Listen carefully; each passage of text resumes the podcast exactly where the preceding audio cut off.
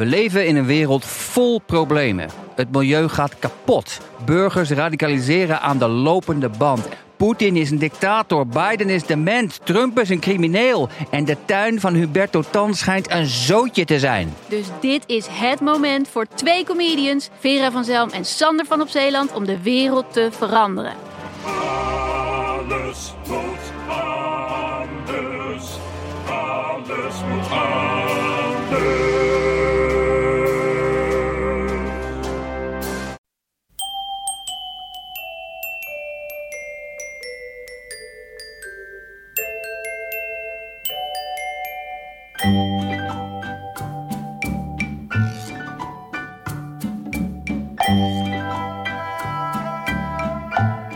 Welkom bij aflevering 205 van Echt Gebeurd, de podcast waarin waargebeurde verhalen worden verteld door de mensen die ze zelf hebben meegemaakt.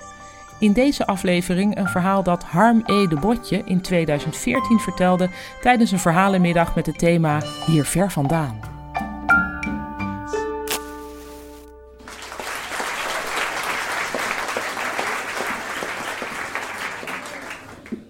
Uh, vanochtend nog heb ik gebeld met mijn oom Harm. Heet ook Harm, net zoals ik.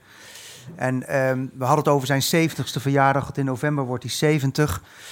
En uh, het gaat niet zo goed met hem. Hij, is, uh, hij heeft een hersenbloeding gehad. Hij is half blind geraakt. Ehm, hij heeft heel weinig geld. En hij zit in een aanleunwoning in Breukelen met uitzicht op het Amsterdam-Rijnkanaal. Een heel mooi huisje, dat wel. Maar hij leeft van een bijstandsuitkering hij is zijn hele leven in het buitenland gewoond en dus geen AOW opgebouwd.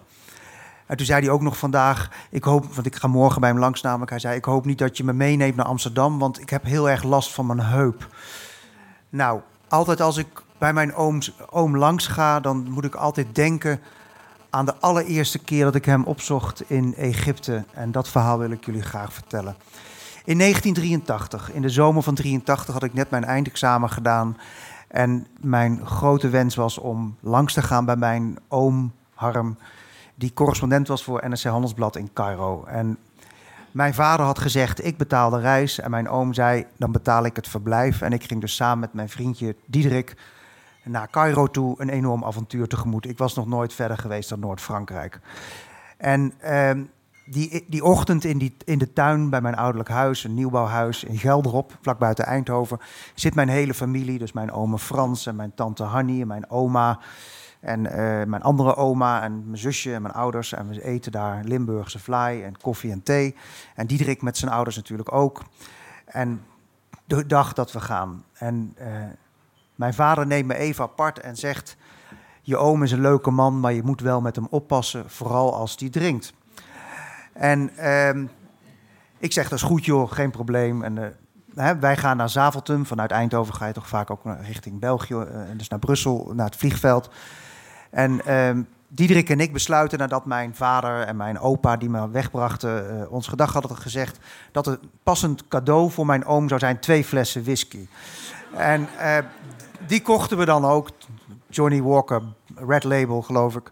En die hadden we dus tax-free bij ons in die plastic tasjes. We stegen op, we keken onze ogen uit. Hij was ook nog nooit echt in een vliegtuig geweest. Dat was bij ons beiden de eerste keer. We keken naar beneden. We zagen toen we eenmaal boven Egypte vlogen... dat daar de woestijn en de ondergaande zon... Nou, het was helemaal geweldig. En wij zeiden tegen elkaar, hè, onze droom was... Een fles, eh, een fles Martini Bianco drinken boven op de piramide van Cheops dat was in de tijd dat Martini Bianco, de oudere mensen hier in de zaal zullen het misschien nog weten, die hadden van die reclames dat je dan hippe jonge mensen onder het beeld van Rio de Janeiro uh, feest aan het vieren en dan die martini met dat ijs. Hè. Dus wij dachten, dat willen we ook, maar dan willen we dat op de top van de piramide van Cheops. En mijn oom gaat dat natuurlijk regelen. We wisten ook al dat dat wel moeilijk zou worden, maar goed, dat was onze jongensdroom. We komen aan op het vliegveld en Harm zou ons vanzelfsprekend komen halen. Enorm vliegveld, Cairo, geen Harm. Een uur later nog steeds geen harm. Het was in de tijd dat er nog geen internet en geen mobiele telefoons, er was helemaal niks. Ik had alleen maar geld gewisseld met een paar muntjes. Dus ik telefoon, hij nam ook zijn huistelefoon niet op. En na anderhalf uur kwam hij aan. De auto ging open, een lange reizige man, bruin verbrand, knap om te zien, spijkerbroek en een openstaand overhemd. Helemaal de journalist, zal ik maar zeggen, komt daar aangelopen. En zegt, sorry jongens, ja, verkeer, verkeer, opgehouden, spijt me. Dus wij laden onze spullen in en we gaan dwars door dat drukke Caireense verkeer naar de Corniche El Niel. Met uitzicht op de Nijl, zijn appartement in een 19e eeuws gebouw met prachtige parketvloeren, kroonluchters. Een grote ebbenhouten tafel met daarop een tikmachine, want hij werkte natuurlijk nog op een tikmachine in die tijd. En eh, een enorme kat, een enorme poes, Poes Moon heette die poes. En zijn vriendje Ibrahim, want mijn oom was homoseksueel. Harm moest nog een stukje voor de krant schrijven die dag. En hij zei tegen mij en tegen Diederik: Gaan jullie alvast de stad in, dan leer je Cairo kennen. Dus wij met Ibrahim in een taxi. We gaan de stad in en we knallen recht het, uh, het, het duizend en eens uh, nachten sprookje in. In ieder geval voor ons, voor de eerste keer daar. Rondom de oude moskee in Cairo. Ik weet niet of mensen daar zijn geweest ooit. In een weerwar van straatjes. Ibrahim, een jonge jongen, gespierd. Met zo'n klein sikje. Een knappe jongen om te zien. Die met van die flairbroeken, die had je toen nog. Die, die loodst ons door dat labyrint heen. En we eindigen in een cafeetje. En in dat cafeetje zingt een weduwe zangeres, helemaal in het zwart, grijs, doorgroefd gelaat. Een beroemdheid in Egypte, ik had nog nooit van haar gehoord, ik weet ook nu de naam niet. En Ibrahim loopt naar voren en die fluistert in haar oor, die microfoon stond open. En zij kondigt een volgend nummer aan en zegt: We gaan Diederik in Harm. Dus het was voor ons, wij zaten achterin, waterpijpen. We waren op dat moment die tuin in het dorp Geldop was nog vers in mijn hoofd geëtst, dat begrijp je. We zaten er nog maar een uurtje of acht in, in Egypte en we zaten al midden daar. Na een tijdje gingen we terug naar mijn ooms huis, want het was dan een uur of elf s'avonds en hij zou wel thuis uh, klaar zijn met dat artikel, dachten we. En uh, de auto was fout, we hadden een taxi, die hadden laten wachten, die was fout geparkeerd. Er kwam een boze politieman aan, maar mijn de, de, vriend van mijn oom, Ibrahim, die haalde een pasje tevoorschijn van het ministerie van Binnenlandse Zaken. Met stempels en handtekeningen en alles. En die politieman die knipmeste, geen probleem, de wonderpas. We komen thuis daar weer in de, aan de Corniche nieuw. Mijn oom inmiddels in een lange kaftan, zijn stukje af. En hij had inmiddels ook de helft van de eerste fles whisky opgedronken. En eh, mijn oom is heel familieziek. Uh, of in ieder geval heel geïnteresseerd in familie, in de positieve zin van het woord. Dus hij wilde natuurlijk alles horen van mijn oom Frans en tante Hanny en mijn ouders en wie er allemaal maar waren in Eindhoven achtergebleven. Hij woonde al jaren in Cairo. Dus Diederik die verveelde zich al snel. Mijn oom was ook wel een beetje dronken al, dus die dacht, weet je, ik ga naar bed, ik ben moe. 12 uur s avonds. We zijn vanochtend vroeg begonnen en het is nu wel tijd om naar bed te gaan. Maar ik bleef zitten. En het gesprek ging maar door en maar door en maar door. En die fles die raakte maar leeg. Ik dronk dan whisky cola met wat ijs.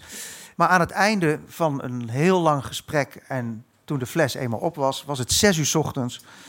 Het ochtendgloren was daar. En mijn oom zei, schat, we gaan naar de piramide van Cheops. Want jullie moeten natuurlijk martini drinken op de top van de piramide. Ik had zo, oké, okay, doen we, doen we, doen we.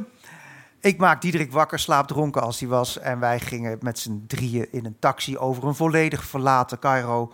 Reden we naar de buitenwijk van, van, van Cairo. En dan 300 meter verder staan die piramides. Dus wij laten de taxi achter en wij gaan wandelen. En die piramides die staan daar prachtig in het ochtendgloren. Onderaan die piramides liggen twee mannen te slapen. Eén is geuniformeerd, de andere in een kaftan. Daar staat een bordje, do not climb the pyramids boete 100 dollar of 300 of 500 dollar, in ieder geval een hoop geld. Harm die stapt over die mannen heen, die blokken zijn zo hoog, maar in enorme passen klimt hij gewoon naar niveau 12. Hij keert zich om en zegt tegen ons: Jongens, kom op, eindexamen gedaan, naar boven. Maar ik dacht wel aan mijn vader. Pas op met je oom, want hij. Nou. En ik had eigenlijk helemaal geen zin. Ik zag ons gedoe krijgen met die mannen daar beneden. En nou, ik wilde niet meer.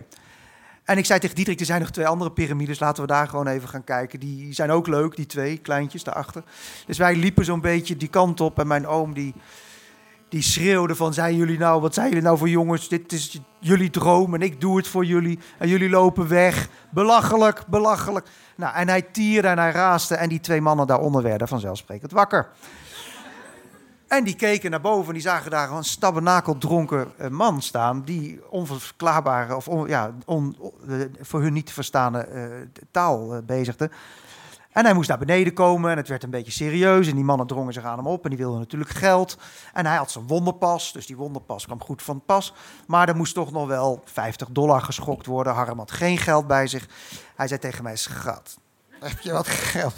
Dus ik produceer daar 50 dollar bij die mannen afbetalen.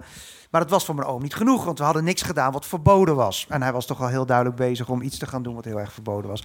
Dus verderop was er de opgraving van Sakura, waar Leidse wetenschappers eh, onderzoek deden. eh, en er stonden allemaal linten.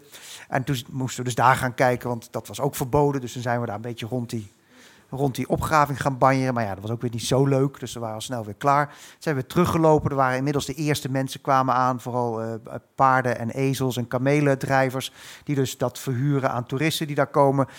En Harm had opeens een lumineus idee. We zouden gaan paardrijden naar een opgraving verderop. Het was inmiddels acht uur ochtends. Het was ongeveer 24 uur geleden dat ik was opgestaan om mij op te maken voor de reis naar Cairo.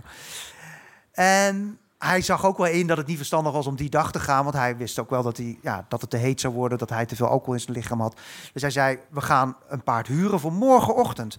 Ik zei, ja maar morgenochtend, weet je, dan komen we hier toch weer morgenochtend. Nee, je moest de Egyptenaren vertrouwen. Die man zou er absoluut staan. Heb je 150 dollar? Dus ik weer...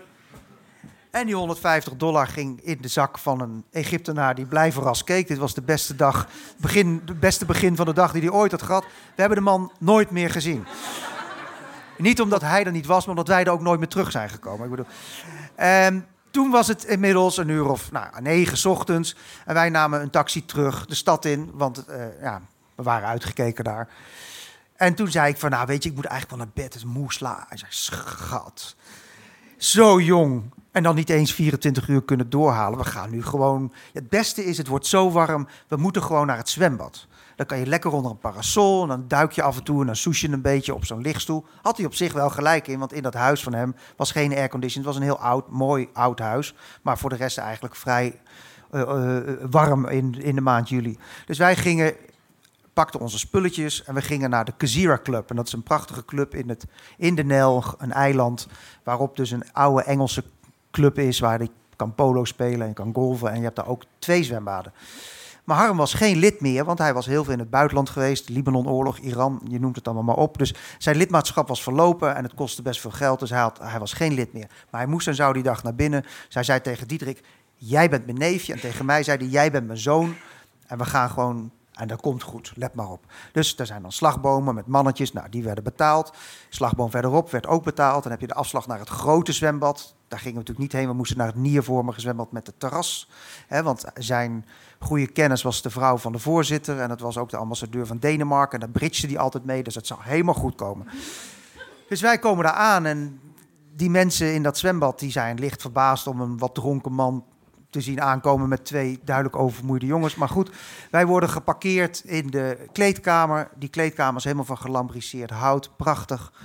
En daar, daar zie ik van die oude Egyptische ja, oligarchen die dan bedienders hebben die zo die zwem, de zwembroek ophouden en dan gaan mannen... wordt dan opgetrokken door zo'n heel jong jongetje.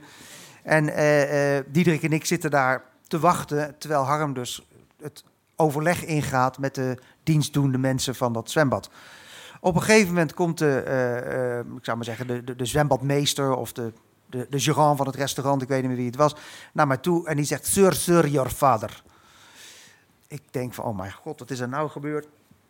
Ik loop naar buiten toe, samen met Diederik en mijn kielzog. En mijn oom Harm, die zit daar, zo, met zijn zonnebril, zo, helemaal drijfnat. Hij was uit woede over het feit dat hij niet binnen mocht met zijn zoon en zijn neef, pontificaal en met veel geschreeuw in het zwembad gesprongen met zijn kleren aan. En daar zat hij. Hij zei: Schat, het is geregeld. Wij konden gaan zitten onder een parasol. We kregen een kan lime juice. We kregen sigaretten. Die mensen die daar zaten hadden het allemaal geweldig gevonden. Wanneer zie je dat? Een dronken westerling die daar schreeuwend en tierend in het zwembad springt. Dus dat had mijn oom goed ingeschat. Maar ik had nog steeds wel mijn vader die achter in mijn nek zat. Van, "Ha, ha." Dus Diederik had in no time had hij zijn zwembroek aangetrokken en poedelde al snel daar in dat zwembad. Maar ik bleef gewoon in mijn kleren aan die tafel zitten, nippen en eh, eh, aan, die, aan die lime juice. Maar op een gegeven moment dacht ik, ik doe ook mijn zwembroek aan en ik ga zwemmen. En dat is eigenlijk een les die ik wel geleerd heb toen Soms moet je niet meer naar je vader luisteren, maar moet je gewoon je eigen gang gaan. En eh, laat het los en spring erin. Daar heb ik later in mijn journalistieke carrière nog heel veel aan gehad. Dankjewel.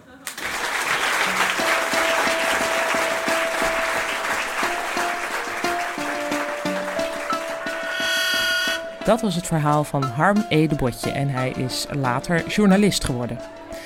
Overigens, misschien heb je in deze opname wat getik gehoord. Zo ja, dat gebeurt als iemand zijn telefoon in de zaal niet uitzet. Uh, we vragen het altijd wel, maar het is in dit geval niet gelukt. Uh, blijkbaar. Maar we wilden jullie dit verhaal niet onthouden. Uh, Echt Gebeurd is een verhalenmiddag die elke derde zondag van de maand plaatsvindt in Comedy Club Toomler in Amsterdam. Kijk voor de data en thema's in het nieuwe seizoen op onze website www.echtgebeurd.net. Je kunt daar tickets bestellen voor de verhalenmiddagen, maar je kunt ook jezelf opgeven als je een verhaal hebt dat bij een van de thema's aansluit. We zijn altijd op zoek naar goede verhalen. En als je wilt weten hoe de selectie en de begeleiding van de vertellers in zijn werk gaat, luister dan eens naar aflevering 165 van deze podcast. Dat is een soort behind-the-scenes documentaire over echt gebeurd. Onze redactie bestaat uit Micha Wertheim, Rosa van Toledo, Maarten Westerveen en mijzelf, Paulien Cornelissen. Productie doet Eva Zwaving, zaaltechniek doet Nicolaas Vrijman en de podcast wordt gemaakt door Gijsbert van der Wal. Dit was aflevering 205. Bedankt voor het luisteren en vergeet niet: het bijvoeglijk naamwoord dat bij Cairo hoort is Kaireens. Wist ik niet, nu wel.